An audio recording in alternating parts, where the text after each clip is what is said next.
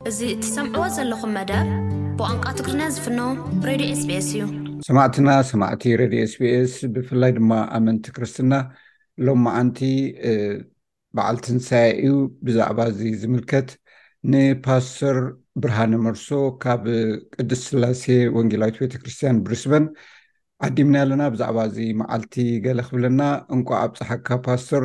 ብርሃነ። የቐንየለይ በየነ ሓወይ እግዚኣብሔር ይመስገን ኩልና ጽቡቕ ኣለና ኣሜን ንክርስትና እምነት ተኸተልቲ ኩልኹም እንኳዕ ናብ ትንሳኤ በዓል ኣብፀሐኩም እናበልኩ ጽቡቕ ትምኒተይ እገልጽ እቲ ሽሙ ከም ዝገልጾ ሎሚ ትንሳኤ እንድዩ ብሓፂሩ ጎይታ ኢየሱስ ክርስቶስስ ሞይቱ ሞት ስዒሩ ድማ ተንስኡ እዩ ካልኦት እንተይኮነ ኢየሱስ ክርስቶስ ሞይቱ እሞ ሲዕሩ ድማ ተሲኢቡ እዩ። ምናልባት እዚ እንትንብል እንተለና ሕፅር ብዝበለ ንምትሕስሳብ ዘይፍለጥ ኮይኑ ኣይኮነን። በብግዚኡ ከምዚ እንትንዝክሮ እንተለና ክልተ ዓበይቲ ነገራት ንልዕል ይመስለኒ። ምክንያቱ ናይ ሞትን ናይ ትንሳኤን ጉዳይ ስለዝኾነ ቀዳማይ ንምንታይ ሞይቱ ካልኣይ ከዓ ንምንታይ ተንሲኡ ዝብል ነገር ክለዓልን ክንዝክሮን ግድነት እዩ። ምክንያቱ ሞይቱ ተንስኡ ኢና ንብል ዘለና እና ጎይታ ንምንታይ እዩ ሞይቱ እንተኢልና ንሕና ክንመውት እንትግብኣና ንሱ ሞይቱልና እዩ ካልኣይ ቆሮንቶስ ሓሙሽተ ዕስራ ሓደን ከም ዝገልጾ ንሱ ሞይቱልና ንሕና ክንመውት እንትግብኣና እዩ ስለዚ ናይ ኩላትና ናይ ሓጢኣት ዋጋ ብሞቱ ከፊሉልና ንሕና ንክንጸድቕ ምእንቲ ንሱ ሞይቱ እዩ ዝብል እና ዓስቢ ሓጢኣት ሞት እዩ ውህብቶ ፀጋ ኣምላኽ ግና ብክርስቶስ ኢየሱስ ጎይታና ናይ ዘለኣለም ህይወት እዩ ይብል ስለዚ ዝሞተለይ ጎይታ ኣለኒ ኣነ ኣይሞትን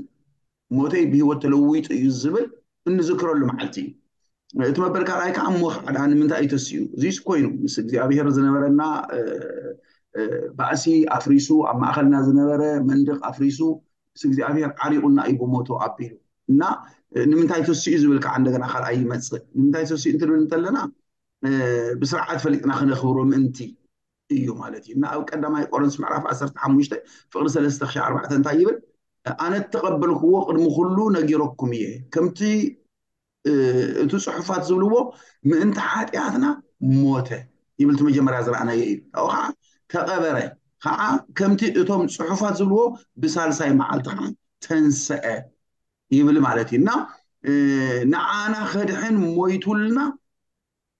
ንሕና ብህይወት ክንነብር ተንስኡልና እዚ ከዓ እግዚኣብሔር ንወዲ ሰብ ዘለዎ ፍሉይ ዝኾነ ፍቅሪ መርኣዩ እዩ ኢና ንብል ማለት እዩ ስለዚ እቲ ዝተገበረ ዘበሉ ንወዲ ሰብ ስለ ዝኾነ ንዓና ስለ ዝኾነ ንሓጢኣተኛታት ሰባት ዝተገበረ ስለ ዝኾነ በብግዚኡ ንዘክሮ ማለት እዩ ከምዚ እናበልና እና በዚ እንተሎ እንታይ እዩ እቲ ዋና ነገር ከዓ ናይ ትንሳኤ እንኽብሮ ናይ ኢየሱስ ክርስቶስ ትንሳኤ እቲ ዓብዪ ኣካል ወንጌል እዩ ኣብቲ ዘበን ንሱ ኣይተንስእን ዝብሉ ስለ ዝነበሩ እቶም ሃዋርያትን ደቀ መዛሙርትን እንታይ ይብሉ ነይሮም ኖ ክርስቶስ ኢየሱስ ተንስኡ እዩ ንዓና እኳ ተራእዩልና ኢሎም ይእውጁ ስለ ዝነበሩ ንሱ ከዓ ጎይታ እንታይ ኢሉ ተኣኪብኩም ናይ ጎይታ እቲ ባንን ወይንን ትወስድ እንተለኹም እኳ ኢሉ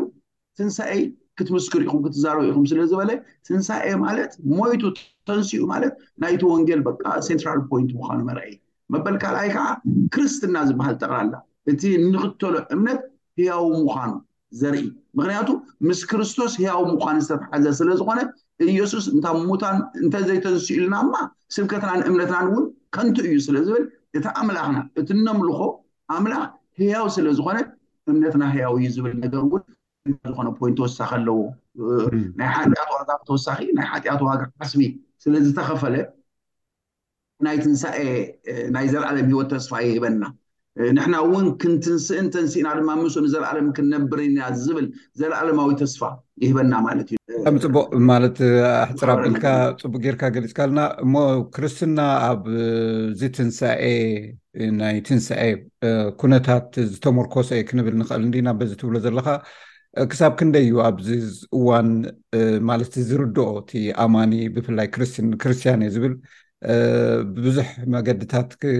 በዓል ኢና ንሪኦ ብሕሩድ ብካልእ ነገራት ብብዙሕ ነገራት ብፍላይ ድማ ኣብ ኣመንተ ወንጌላውያን ብከመይ ዝዝከር እዚ በዓል እዚ ብርግጽ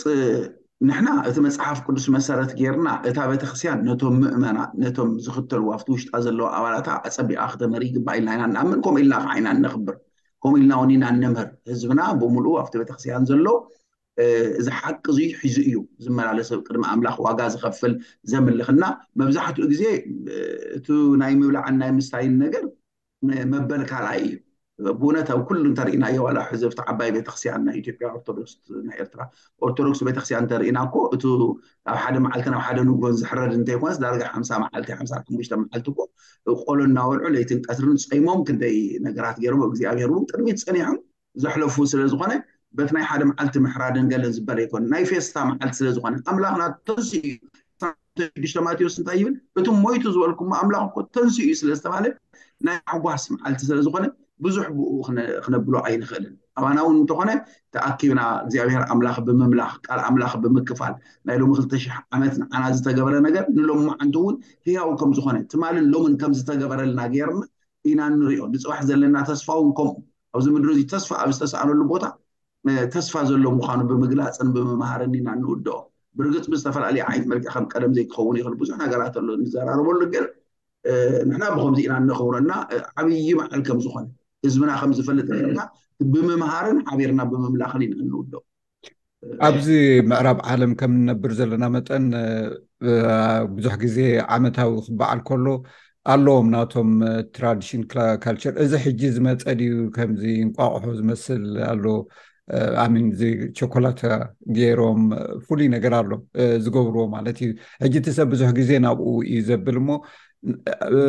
እቲ ናይ ብሓቂ መልእኽቱ እቲ ናይ ብሓቂ ታሪክ ናይቲ ትንሳኤ ዝበሃል ጠፊኡ ኣሎ ኢልካ ዶ ትሓስብ ኣብዚ ምዕራባዊ ዓለም ብፍላይ ከም ነብር ዘለና ኣብ ደቅና እውን ከምኡ ዓይነት ፅልዋ ክፈጥር ስለ ዝኽእል እቲ ዘሎ ኩነታት ከመይ ትግምግሞ ብፍላይ ኣብ ኣውስትራልያ ከም ዘለና መጠን ብርግፅ ብዙሕ ነገራት እናተለወጠ ክመፅእ ይኽእል እንድዩ ንሕና ግን ከም መንግስቲ ኣምላኽ ርኢኻ ናይ ምድሪ መንግስቲ ኣሎ ናይ ኣምላኽ መንግስቲ ኣሎ ናይ ምድሪ ናይ ምድሪ መንግስቲ ኮንስቲሽን ከም ዘለዎ ናይ ሰማይ መንግስቲ ናይ እግዚኣብሔር መንግስቲ ከዓ ከም ኮንስቲሽን ንጥቀመሉ መፅሓፍ ቅዱስ ኣለና ኣብቲ መጽሓፍ ቅዱስ ፎከስ ጌርና ንሱ እንተማርና እዩ ጽቡቕን ብዙሕን ዝኸውን ፍሩትፉል ዝኸውን ናይ ሰባት ህይወት ዝልውጥ ተስፋ ዝህብ እምበር እቶም ካልኦት ዝገብርዎ ክንገብር እንተይልና ብሕላፈ እዚ ዓዱ እዚ ኩሉ ዝመልአሉ ምድሪ ስለ ዝኾነ ብእምነት ሓያል ሓያል ዝኾነ ነገራት በቲ መንፈሳዊ ኤርያ ብዙሕ ውግኣት ዘለዎ እዩ ግን ኣብና ኣብ ቅዱስ መጽሓፍ ፎከስ ክንገብር ኣለና እንታይ ኢሉ ጎይታ ኢየሱስ ክርስቶስ እንታይ ኢሉ እቶም ሃዋርያት እንታይ ኢሎም ክጽሒፎም መምና ዝብል ነገር ሓደ ሓደ ሰባት እንታይ ይብሉ እስቲ ናይ ሰይጣን መንነት እናተዛረብካ እንታይ ክትውዕል ክርስቶስ ኢየሱስ ዝገብሮ ዓበይቲ ነገራት እናዛረብካ ውዓል እሞ ንሱ እናሰዓረ እዩ ዝኸይድ ይብሉ ስለዚ ድማ ፈፂምካ ክእመን ዝግባእ ኣብ ተግባር እውን ዝወዓለ ህይወትና እውን ዝለወጠ በብግዚኡ ሴንስ እንገብሮ ናይ መፅሓፍ ቅዱስ ሓቅታት ኣሎ እቲ ናይ መፅሓፍ ቅዱሳት ሓቅታት ኣብኡ ፎከስ ጌርና ደቅና እንተምህርና ንሕና እውን ተተኣዘዝናዮ እንተተኸተልናዮ ንህይወት ዘለዎ እምበር ኣብቲ ካልኦት ሰባት ዝዘራረብሉን ዝኽተልዎን ነገር እንተዘይገበርና እቲ ንሳቶም ዝገብርዎ ምስ እንቁላሊሐ ምስ ገለየ ምስ ገለየ ዝብል ነገራት ነናታቶም ዝተፈላለየ ምክንያታት ክህልዎም ይኽእል ኣብ መፅሓፍ ቅዱስ ግን ከምኡ ጌርና ንክነኽብሮ ዝእዘና ነገር የለን ስለዚ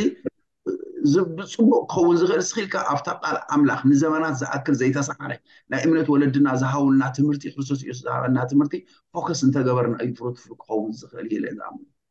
ራይብ ፅቡቅ ፓስተር ብርሃነ መርሶ ምናልባት ናይ መወዳእታ መልእኽቲ በዚ ኣጋጣሚ እዚ ንምእመናን ክትመሓላልፎ ትደሊ ተሊካ ዕድል ክበካ እየ